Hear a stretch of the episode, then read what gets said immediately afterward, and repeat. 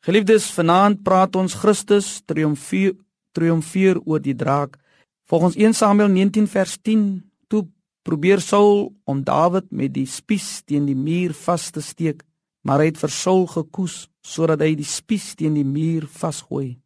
In Openbaring 12 lees ons van die draak wat voor die vrou op die punt om te baar staan en wat haar kind wil verslind.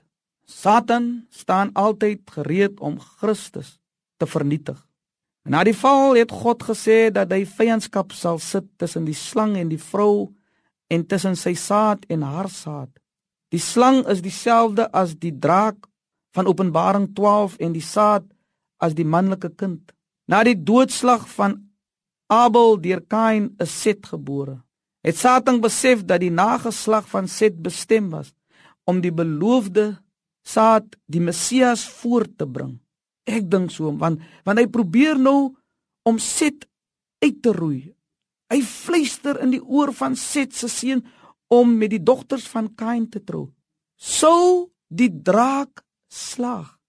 Dit lyk so volgens Genesis 6 vers 12 die duiwel het getriomfeer. Nee, nie heeltemal nie. Onder die families wat van Set afstam, is daar een wat die Here vrees, Noag. God behou hierdie een gesin terwyl die ander deur die vloed vernietig word. Deur hierdie een familie sou die belofte vervul sou word. Weer staan die draak voor die vrou om die kind te verdelg. Die belofte aangaande die Messias is aan Abraham en Sara gegee en menslik gesproke sou dit nooit bewaarheid word nie want Abraham is oud en Sara onvrugbaar. Die draak het byna geseëvier. Toe word Isak gebore.